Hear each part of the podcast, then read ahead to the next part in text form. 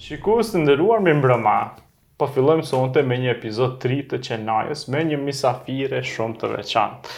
Me mua sonte në studio është Sabina Osmanovic, akademike, profesoreshë në Universitetin e Podgoricës, apo Malit Zi, si quhet, më falë, një po. dhe me të kemi përzgjedhur një temë e cila nuk lidhet uh, domosdoshmërisht me problemet e shqiptarëve të Malit Zi, që zakonisht në këso tipet emisioneve bëhen, po do flasim pak për uh, participimin e grave në politikën e Malit Zi, problemet politike që i ka Mali Zi, do flasim për letërsinë, ngaqë është eksperte e letërsisë gjermane, po ashtu dhe do flasim për akademikun si një model I dështuar apo i suksesshëm në shoqërinë shqiptare? Sabinë mirë se na erdhe.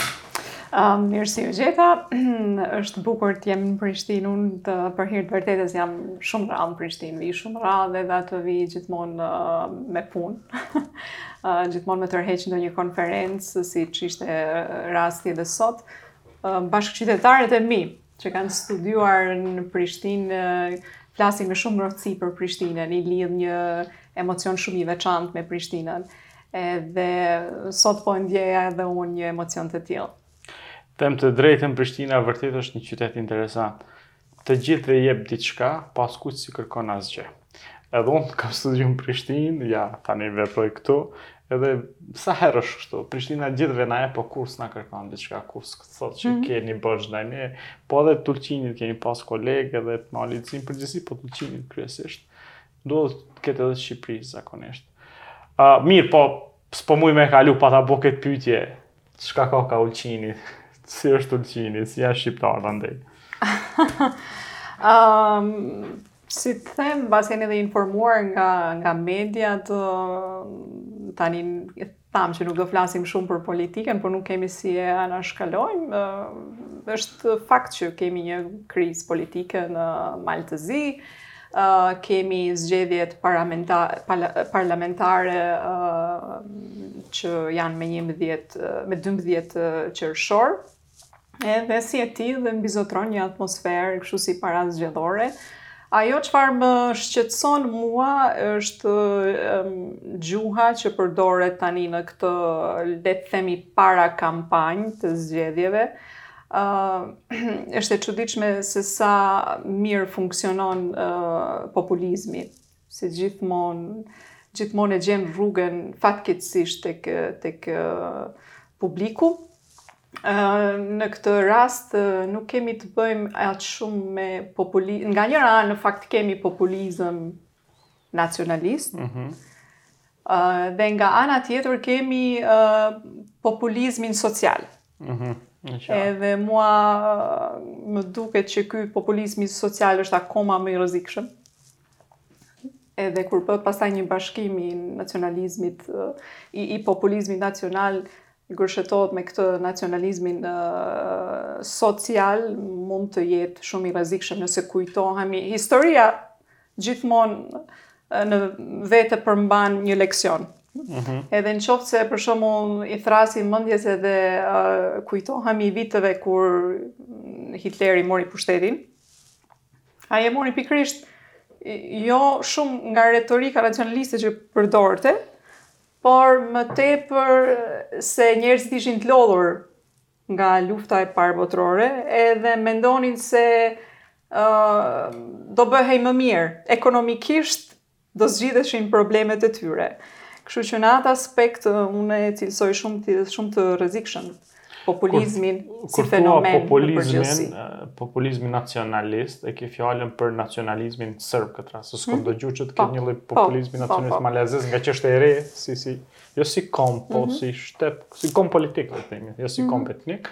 Po e ke fjalën për besoj për po. nacionalizmin po. serb dhe mm -hmm. nacionalizmin ose nacionalizmin social siç po e quan. A uh, le të themi ashtu si një kundërvënie ndaj atij nacion, atij mm -hmm. populizmi tjetër dhe kështu kemi dy populizma mm -hmm. dhe njerëzit e lirë këndej të cilët besoj duhet të jenë pastaj të dezorientuar dhe ato që vërtet e kuptojnë është një është mbase një një grup shumë i vogël i qytetarëve që mund ta shohin kështu me me gjakftohtësi dhe dhe ta dhe ta vërejnë rrezikun që përbën një fenomen i tillë. Pastaj shqiptarët do jem pyetje. Po pyetja është për shqiptarët, ku janë shqiptarët le të themi mes këtyre dy populizmave dhe një shtrese që po thua një pjesë tjetër të cilët janë qytetarë të thjeshtë. Domethënë dhe Si është gjendja atje në përgjithësi, si mund ose a mund të m'i listosh tre probleme që i kanë shqiptarët, që mund t'i kenë shqiptarët në Mal të Zi? Kanë ma shumë besoj. Mm, patjetër, uh, unë besoj që problemi më i madh është që uh, problem uh, shqiptarët um, nuk integrohen se aq sa duhet mbase në strukturat. në strukturat shtetërore. Edhe pastaj problemi tjetër është që nuk përfaqësohen denjësisht, do të thonja unë. Gjithmonë mbase nuk është e hijshme që është është më se e drejtë të thuhet se shqiptarët nuk kanë pasur gjithmonë një përfaqësim të denjë. Uh, njerëzit që i kanë përfaqësuar shumicën e rasteve uh, kanë shikuar përfitimet e veta personale se sa përfitimet uh, më të gjëra. Normalisht, e zak, është, është modus operandi te gjithë shqiptarët, mm -hmm. rrallë ndodh që po idetë e mëdha zakonisht i shtyn një pakicë e vogël idealiste, Realist, realistët punojnë kurse pjesa tjetër e shfrytëzojnë, po kjo është temë tjetër. Sot je në Prishtinë për të folur për, meqë tash je eksperte e gjermanofonisë, nuk e di si mund mhm. ta quaj këtë, uh, për uh, domethënë, prezencën e Malit të Zi në mediat uh, në mediat gjermane. Mhm. Mm uh, Çka është kjo ligjërata, domethënë, si e sheh rolin e Gjermanisë tek ne. Domethënë, nëse ato ka një lloj projeksioni për Malin e Zi, do të do duhej ta kishin edhe për Ballkanin. Aha. Uh, po, në fakt sot ka qenë uh, konferenca është akoma vazhdon edhe nesër konferenca uh, e gjermanistëve të Evropës Juglindore. Është një takim që ndodh çdo vit, e, ku vijnë Gjermanistë nga i tërë Ballkani, por jo vetëm edhe nga Gjermania ka pasur sot të ftuar. Edhe unë aty jam paraqitur me një temë të cilën mendoj që nuk është e levruar, nuk është e studiuar, uh, si paraqitet uh, Mali i Zi në mediat uh, në media në, shk në, në shtypin e shkruar në fakt në Gjermani, edhe kam përzgjedhur katër gazeta të cilat i kam analizuar, dy nga rryma konservative dhe dy nga mm. nga rryma njëra nga nga nga drejtimi nga kahu le të themi i majtë edhe tjetra kahu i, i majtë liberal. Mhm. Edhe ka qenë shumë interesante të shohësh se për çfarë ato për çfarë ato raportojnë. Kryesisht raportojnë për për ngjarje të rëndësishme, siç ka qenë për shembull, unë jam kufizuar në periudhën ta theksoj edhe këtë 2017-2023, sepse në vitin 2017 Mali i Zi është anëtarësuar në NATO. Edhe doja ta shihja atë mbuli, mbulimin mediatik më saktësisht në shtypin e shkruar në Gjermani. Um, kryesisht raportohet për këto ngjarjet ngjarje të rëndësishme, hyrja në NATO, pastaj zgjedhjet presidenciale në vitin 2018, mhm. zgjedhjet parlamentare në 2020, pastaj rënien e dy qeverive oh. në vitin 2022, edhe është karakteristike, domethënë se si të gjitha gazetat përdorin po të njëjtën tash për mos t'i hyrë thellë uh, gjuhës, se si përdorin të gjitha në në titujt uh, foljen ka rënë, edhe mm. kur përdoret rënie do të thotë është një konotacion negativ. negativ. Edhe natyrisht mbulimin së fundmi të zgjedhjeve presidenciale në 2023-shin në prill, në 2 mars prill 2023.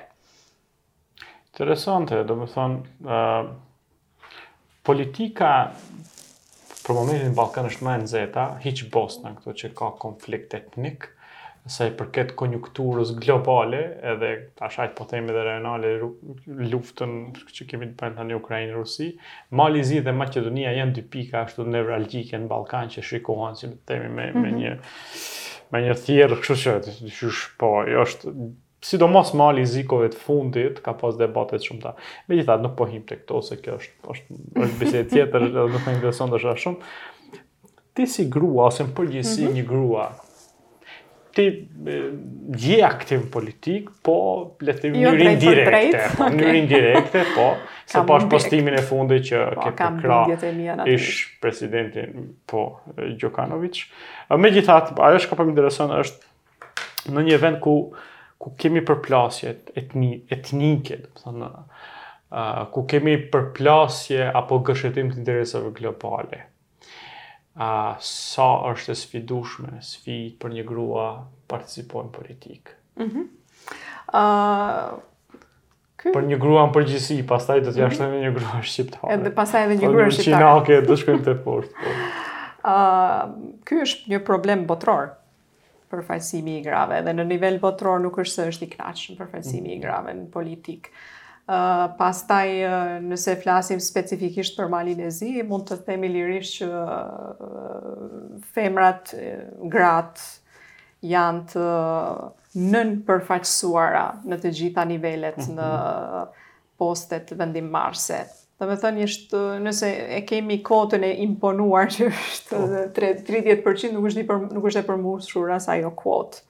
Domethënë, për momentin kemi tre femra ministre, njëra Kanë qenë katër, njëra ka, ka dhënë dorëheqjen. Uh, dhe atëherë bëhet akoma edhe më edhe më uh, më keq kur flasim për për femrat uh, shqiptare. Uh, mund të them një fakt që nuk është aspak inkurajues që nga uh, hyrja e sistemit shumëpartiak në Mal të Zi në vitet 90-ta e deri më tani nuk kemi pasur as edhe një femër shqiptare të ulur në parlamentin e Malit të Zi. Vërtet? po, është një fakt uh, shumë dekurajues, të them të drejtën. Uh, sipas një studimit që është bërë së fundi, dhe që kam lexuar diku, uh, nëse nuk gaboj nga fondacioni Westminster, uh, kanë bërë një anketim me gratë në Mal të Zi, dhe uh, 60, diku 67% e grave nuk e shofin veten në politikë. Edhe pastaj shtrohet pyetja pse këto gra nuk e shtrojnë, nuk e shohin veten në, në politikë. Uh, kry, problemi kryesor të cilin ato kanë shfaqur është detyrimet shtëpiake, janë pengesa e parë, pastaj uh, nuk kanë kohë të mjaftueshme, nuk kanë mbështetjen e duhur nga familja, uh, pastaj është edhe mungesa e përvojës në në shfaqjet publike. Dhe së fundmi, mund të themi që ambienti politik në Mal të Zi është, është disi edhe armiqësor kundrejt femrave. Domethënë, femrat përballen gati-gati edhe me dhunë, kur trajtohen femrat është gjithmonë një trajtim i njëanshëm, kjo mbase vlen jo vetëm për Malin e Zi, por në përgjithësi, domethënë, uh, përdoret gjithmonë një gjuhë seksiste, gjuhë e urrejtjes, um, kërcënohen uh, femrat që merren në, në politikë. Domethënë, ekziston një diskriminim mediatik kundrejt, kundrejt femrave. Dhe Ëh, nuk është aspak inkurajuese, femra gjithmonë shihet në atë rolin tradicional, mhm. gruaja që merret me punët e shtëpisë, që kujdeset për fëmijët, për bashkëshortin. Ëm, edhe shifet gjithmonë si ajo gjinia e dobët. si gjinia emocionale. Po, që, gjinia e dytë. Gjinia e dytë, që nuk e ka forcën e duhur që të merret me politikë. Po, në aspektin tash, por një grua shqiptare, po, po paragjykoj, mm -hmm. nuk mhm. e di, për të, ajo i ka dy, mos themi ma shumë, ka me siguri ma shumë sfida, po dy sfidat është e para rrëzimi i shoqnisë tradicionale konservatore, mm -hmm. shqiptare në këtë rast, për të kalu në etapën e dytë, në etapën e dytë ballafaqohet me populizma të tjerë, nacionalizma të tjerë dhe këto traumat e së kaluarës. Domethënë se ne pra si shqiptarë dhe serbë e kemi një farë akumulimi historik ku në një moment t'caktum emocional po vi ajo si përplasje, mm -hmm. një mhm. shpërfaqje, një përplasje jonë identitare. Domethënë, tani e ke edhe një paragjykim ose projektim i superiorit dhe inferiorit. Po. Uh, si është kjo për një shqiptare? Mbase është, duhet të cekim që uh, edhe diçka që nuk flitet për të, por uh, unë mendoj që edhe gjuha nganjëherë është barierë. Mm. Uh, mbase mosnjohja e mirë, nuk them tani nuk dua të gjeneralizoj, por mbase edhe mosnjohja e mirë e gjuhës zyrtare gjuhës malazeze, nuk i lejon ato që, që t'i hyjnë asaj rruge dhe të merren intensivisht me atë punë, ta shohin si profesion uh, politiken. uh, mirë, të kalojmë pak te letërsia, ti ke studiuar në Vjenë, mm -hmm. letërsi gjermane. Interesant, uh, unë vonë jam njoftu me letërsinë gjermane, këtë njërë, mm -hmm. që shkarazi kemi lexu ma herët, diçka. Sepse kur i merr kurikulat tona të shteteve të ish-Jugosllavisë, disi janë frankofile ose kanë më tepër të inkorporuar letërsi franceze. Mm -hmm. A pyetje që po du me ta bo, pse thu ka ndodh kjo, pse ne kemi pak letërsi gjermane? A mu më duket se kemi pak, pak kemi. kemi Viktor Hugo, Jules Verne, a kemi plot francezë, po pak kemi ose fare hiç gjermanë. Aha. Um, Kur i pyes studentët e mi se nëse njohin kur vijnë. Mos ka të bëjë ndoshta kjo ngaqë kemi qenë shtet socialist dhe kemi pas një luftë me Gjermaninë fashiste dhe gjithçka gjermane ka qenë disi temë e ndaluar prohibit. Uh, kurikulat në vetvete janë një temë për të cilat mund të flasim gjerë e gjatë e nuk besoj që duhet të hyjmë tani, por unë mendoj që kurikulat duhet herë pas herë të rishikohen. Uh, të riformulohen, të rifreskohen, gjë që nuk ndodh edhe shumë shpesh. Pastaj, uh, kur i pyes për shembull studentët, uh, nëse njohin ndonjë poet, ndonjë shkrimtar gjerman, uh, gjithmonë mund të dëgjosh vetëm Gëtja për shembull. Po. Gëtja, vuajtjet e djaloshit Verter, Përndryshe, është gati e panjohur për ta letërsia gjermane, edhe për studentat që vijnë të studiojnë gjuhën gjermane me përjashtime, gjithmonë ka përjashtime. Uh, megjithatë gjuha gjë, uh, kjo letërsia gjermane është një det i tërë, është uh, një letërsi uh, që është pak e përfaqësuar në kurikulën tonë dhe unë do doja që të ishte e përfaqësuar denjësisht jo vetëm me klasikët siç mund të jetë Goethe-ja, por edhe me bashkohorët. Gjermania ka edhe shumë autorë të pasluftës që janë mbase pak ose aspak të përkthyer.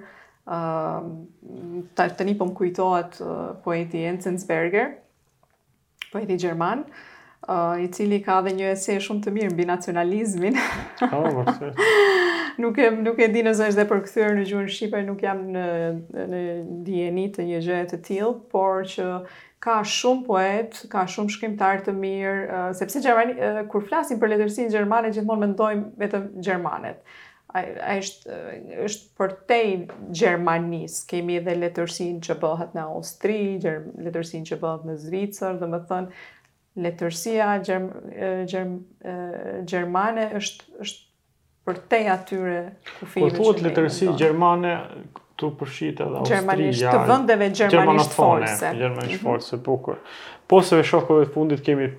përkthejnë edhe austriakë, domethënë mhm. edhe shkrimtarë austriak, edhe shkrimtarë të tjerë gjermanë që jetojnë në Zvicër apo gjetiu, mhm. domethënë në për si po thua ti në atë pellgun gjermanofolës. Mhm. Po e kam fillu përkthime, kemi domethënë përkthime, po sa janë kualitative këto përkthime?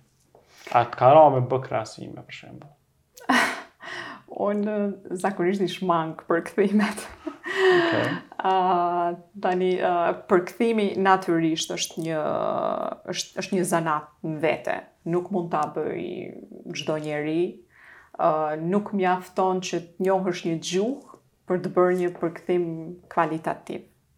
Duhet të je, duhet të kesh ai përkthimi është një interpretim më vetvete, është një rikrijim i një vepre. Edhe duhet të kesh jo vetëm njohuri të gjuhës, të mos them perfekte, sepse gjuha në vetvete evoluon edhe mm -hmm. asnjëherë nuk besoj se ndonjëherë mund të themi që nyrë perfekte e zotëroj një gjuhë, qoftë, qoftë ajo dhe gjuha jonë e nënës, gjithmonë evoluon, gjithmonë ndryshon. Um, kështu që du, një përkthyes i mirë duhet të ketë uh, njohurinë e kulturës së gjerë, duhet të njohë edhe kontekstin, është një zanat që mësohet, një zanat, natyrisht që duhet edhe talent, Edhe duhet të arrish një gjermanët kanë një term që përdorin, duhet të kesh një një ndjesi për gjuhën, okay? Dhe ajo arrihet me me me shumë punë, duhet të kesh shumë përvojë, të kalosh shumë. Po thua që përpos tekstit ti përkthesh edhe ndjenjat. Ti përkthesh edhe ndjenjat. Për mos të flasim pastaj për poezinë që është gati e papërkthyeshme në, në gjuhë të tjera. E... është punë e vështirë përkthimi, unë gjermanishtën, unë mhm. kam provu me mësu gjermanishten, po si krejt shqiptarët që po provojnë. Të të them tani se nga që po më thua kam provuar dhe besoj nuk e ka, nuk të ka ecur, jo. nuk je i vetëm, tani po më vjen në mendje një shprehje Mark Twain, Po. Ai në diku në vitet 1800 e ca ka bërë një vizitë, duket se ka qenë vizita e tij e dytë në Evropë. Mm. Edhe thotë me shumë humor natyrisht ka një ese që është gjuha e tmerrshme gjermane. natyrisht që është me shumë humor tani mos po. ta marrë publiku shumë seriozisht, edhe thotë që në studimet e mia filologjike kam krijuar bindjen se një njeri i talentuar mund të mësojë thotë gjuhën angleze në 30 orë, gjuhën frënge në 30 ditë, ndërsa gjuhën gjermane në 30 vjet. Oh, oh, oh. Pak im kura ju e se... Kërkon, jo, kërkon një sistem shumë. Kërkon. Mirë atëherë, uh, ti je edhe profesoreshë, ligjëruese, ta një spedime titull të ri, ku ke avancu. Docente. Docente, shumë bukur. Asistent profesor. Kemi një një, një ngatërrim me titujt, domethënë Mm -hmm. është nuk e di a është kjo një gjë shqiptare, apo e bëjmë nga, nga media masive, nga lavë,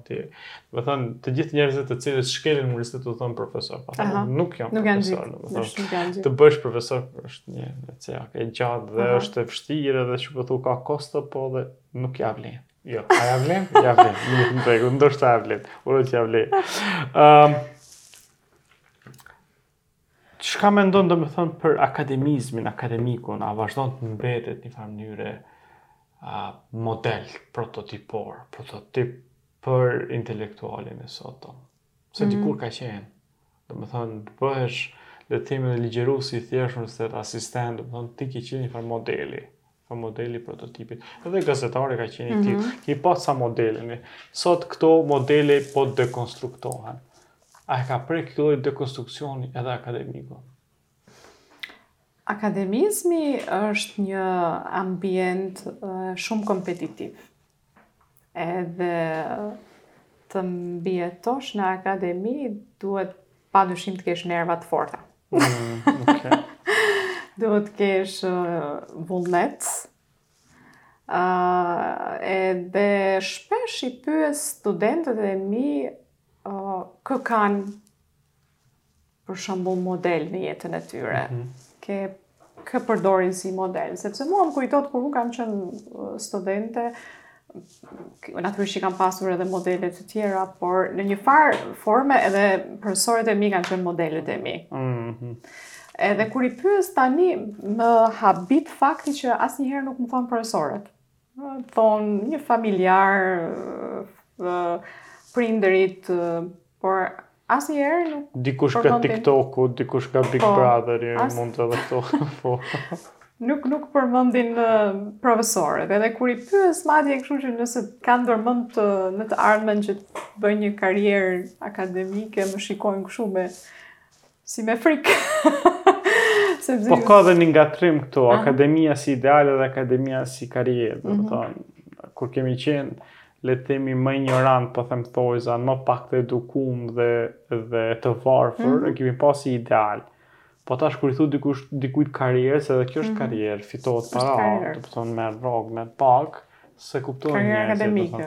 E tash për karrierë për karrierë, a ia vlen më mirë të bëhesh ndërma merresh ku e di unë me ndërmarrësi të bësh biznes e tjera të bësh para apo të merresh me akademizëm ku njëra kërkon shkathtësi tjetra kërkon nerva akademia po a uh, unë jam e bindjes që njeriu duhet të merret me atë që e do. Pëlqen. Po normalisht, po. Qoftë ajo akademia, qoftë biznesi, qoftë Unë nuk kam asnjëherë dhe më duken nganjëherë të çuditshme dhe ato paragjykime që janë për femrat për shembull që nuk aspirojnë të kenë një jetë akademike, të kenë një karrierë politike, të kenë një biznes të tyren. Në qoftë se ai person është i kënaqur me uh, jetën e tij, me mënyrën se si, si ka krijuar veten e vet, jetën e vet, për mua është komplet në rregull. Domethënë mhm, nuk duhet një, një imponim siç e shohim vazhdimisht, ti duhesh edhe në mediat sociale, vazhdimisht ajo ti duhesh, ti duhet të bësh atë, duhet të jesh aktiv, duhet të kesh një jetë të shëndetshme, duhet vazhdimisht na imponohet diçka që ti duhesh. Okay? Ndërsa ne duhet të shikojmë më shumë Edhe për të ruajtur shëndetin tonë mendor. Po, normalisht. Çfarë na bën mirë neve? Jo çfarë duhet, por çfarë na bën mirë për të pasur një jetë të balancuar. Po pra po, po përzgjedhjet tona nuk po varen veç prej neve. Domethënë mhm. sado që ne po themi se jemi të pavarur për të përzgjedhur diçka, mm -hmm. në përzgjedhjet tona në mënyrë indirekte po futen dhe faktorë të tjerë, mm -hmm. domethënë. Unë pak ma herët thashë se tek ne kurikula, në kurikulat tona nuk kemi letërsi gjermane, po popullatën po e shtyjmë e çojmë krejt në Gjermani. Edhe a që do i mësojnë mi letërsi në Gjermane, të një fmi në gjermane, mm -hmm. që do vim pas. Njerëzit kanë bërë përzgjedhje jashtë vullnetit të tyre. Edhe pse ata po thonë se kemi bërë me vullnetin tonë, po jo se është bërë me imponohet nga faktorë të tjerë. Por nga njëra anë më vjen keq që meqë folëm për gjuhën gjermane dhe për letërsinë gjermane, më vjen keq që gjuha gjermane është transformuar, nuk nuk studiohet më apo nuk mësohet më vetëm sepse kanë dëshirë njerëzit të po. eksplorojnë atë gjuhë edhe letërsinë por thjesht shihet si një mjet i cili do i ndihmojë atij të emigrojë atij apo asaj të emigrojë. Edhe është një fakt i trishtueshëm, ne akoma nuk jemi të vetëdijshëm për pasojat e këtij emigrimi masiv, të cilat po i shohim, por që besoj në një të ardhme shumë të afërt do i vërejmë ato pasoja. Tek modelet, çfarë mhm. uh, modele servohen sot? A servohen që nuk servohen? Modelet të cilat promovojnë virtyt, dije, shije të nalta estetike? Mm -hmm.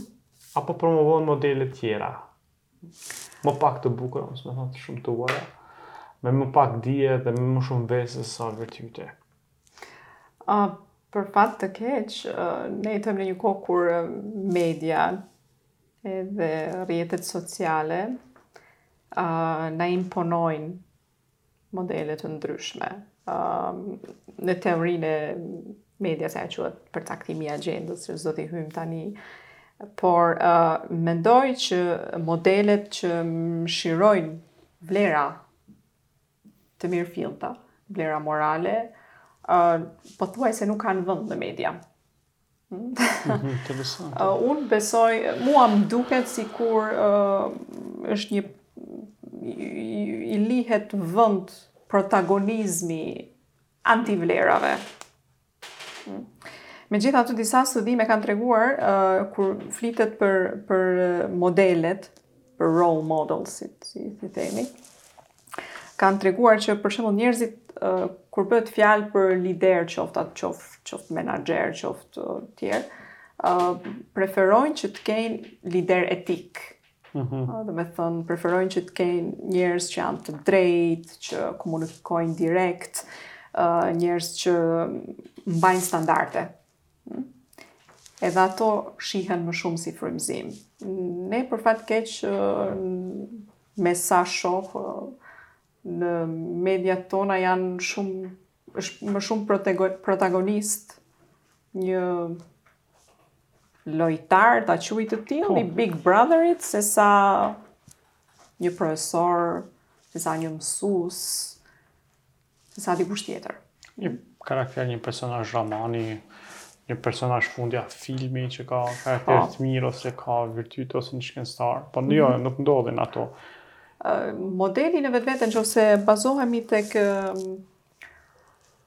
tek definicioni që ofron uh, fjalori i psikologjisë, uh, role model quhet quhet një person ose një Një person i cili uh, shërben si shembull për qëllimet, qëndrimet, sjelljet tona, është dikush që na motivon, që na inspiron. Edhe unë mendoj që njeriu nuk duhet të ketë vetëm një model, po që të ketë disa modele, edhe që nga ato të të thithë atë më të mirën, domethënë, Të mos të mos kufizohemi. Mos kufizohemi në në një model. Më së miri është që të kemi që të kemi disa modele, sepse ato detyrimisht uh, pastaj ndikojnë në mënyrë pozitive apo negative në sjelljet tona, në jetën tonë.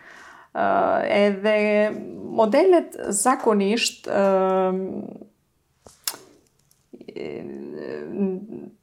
shërbejnë, i shërbejnë më shumë të rinjve. Sepse tash një njeri që ka karakterin e formuar një 35 vjeçar, një 40 vjeçar, e ka pothuajse tashmë karakterin e formuar, është një person e ka personalitetin e zhvilluar.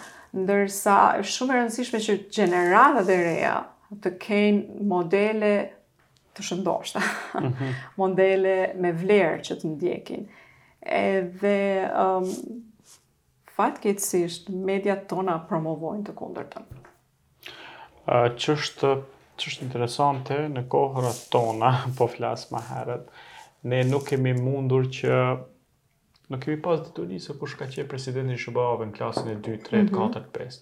Sot një fëmijë i klasës 2, 3 e njef Elon Muskin, e njef Joe mm -hmm. Bidenin, e njef Trumpin, mm -hmm. e këto karakteret e TikTokut edhe e rrjeteve, po. Dhe modeli i mësusit nuk është edhe aq, modeli i preferuar, modeli kryesor, ose modeli që ka ushtru pushtet në familje. Baba, mësusi, profesori, mm -hmm. e tjerë, Po janë modele tjera, janë modele më imaginare. Është Supermeni, është Betmeni. po, po, megjithatë, domethënë, qysh ka me ditë njeri si që është e mira për ata, domethënë. Domethënë... Ne, zakonisht, modelet, nuk është se ne... Nuk është se ne lindim me një, le të themi kështu, me një, me një gjenetik prirje, me për... një prirje që të kemi le të themi vese negative apo pozitive. Okay? Ne ato në një farë forme i, i marrim nga mjedisi. Dhe ne uh, marrim diçka për shembull, edhe pastaj ai shembull ndikon në jetën tonë. Kështu që është shumë e rëndësishme që fëmijët t'i T'i rrisim me një frymë që ato të dallojnë çfarë është një model i mirë, çfarë është një libër i mirë, okay? çfarë është çfarë është një gjë e mirë, okay? çfarë çfarë është një sjellje e mirë dhe çfarë është një sjellje jo e mirë. Mua nganjëherë më shqetëson fakti për shembull kur kur kemi qenë ne fëmijë, uh, kur kemi takuar dikë të lagjes në rrugë, ne i kemi thënë mirëmëngjes, ose mirëdita. Edhe më bën përshtypje për shembull, tani i shef fëmijët, nuk nuk të përshëndet fmiu, nuk di të thotë mirë dita, domethënë, kam lexuar diku, tani fëmijët i, sh, i regjistrojnë në 2-3 kurse gjuhëve të huja dhe asnjëri s'di të thotë mirë dita. Domethënë, kështu që edhe, du, ne si shoqëri, ne gjithë, mbajmë përgjegjësi, Nuk është vetëm nuk nuk është nuk është vetëm mësuesi tjetri ai po. Prindëri, ne gjithë të marrim këtë përgjegjësi. Gjithë shoqëria kemi një kemi një përgjegjësi uh, për këto gjenerata që po rriten. A uh, mirë Sabina na po jemi afruar domethënë në fund të emisionit, unë e di që ke pasi sot një ditë të lodhshme me konferencën e takimit me gjëra. Po s'ka më mirë se ta përmbyllësh me një podcast në orën 11 të darkës. Po, po nuk ka, nuk ka më mirë se ta mbyllim kështu. Pak, besoj, orë e gjatë për ty ashtu, por neve s'ka rëndësi kjo. Mendoj për neve okej është. Të kena prit gjatë, po. Jo, si do qoftë, unë uroj që takohemi herave tjera, ndoshta dhe pse jo, në Ulqin edhe për të folë për aspekte tjera, dhe personalitet tjera atje. Uh, Po e përmbyllim këtu, të falenderoj që ishe, që ishe sot me mua dhe nuk më la, domethënë dhe prapë se prapë erdhe, dhe e bëmë këtë bashkëbisedim, po. Faleminderit ty për ftesën, Esmerald, edhe mm, do ishte shumë e këshillueshme që të kishte kë, më shumë programe të tilla, podcaste të tilla, unë shoh shpesh ekzistojnë edhe në Shqipëri podcaste, domethënë që janë shumë interesante të paktën për mendimin tim, edhe mendoj që në vetvete bartin një mesazh. Edhe sikur nuk e di tash sa sa ndjeket nga nga publiku. po, por... dihet që se podcasti është një njëfarë forme alternative mm -hmm. mediatike e cila përpiqet t'i thyejë këto, le të themi, shablonet e mediave të mëdha. Gjithsesi, unë mendoj që hyn tek programet. Dhe ofron mendim më të lirë se bëhet ndryshe dhe bëhet me një kosto shumë më të ulët po. dhe njerëzit mund të flasin çfarëdo që ata duan të flasin aty. Dhe është bë mirë që ka ardhur si trend podcasti tek ne, videocast, podcast, si të thotë. Hyjnë tek programet edukative për mendimin tim edhe do të ishte shumë mirë sikur t'i ke kishim edhe më të shumtë në numër. Mund ta bësh ti, mund ta bësh një ti në Ulqin. Do ta konsideroj po, si ide. Ose në Podgoricë kudo që jeton. Mendoj kudo që sillesh më shumë, vegjeton më shumë. Shikues të nderuar, kemi ardhur në fund të një emisioni tjetër të qenajës, uroj të keni kaluar mirë, mirupafshim dhe në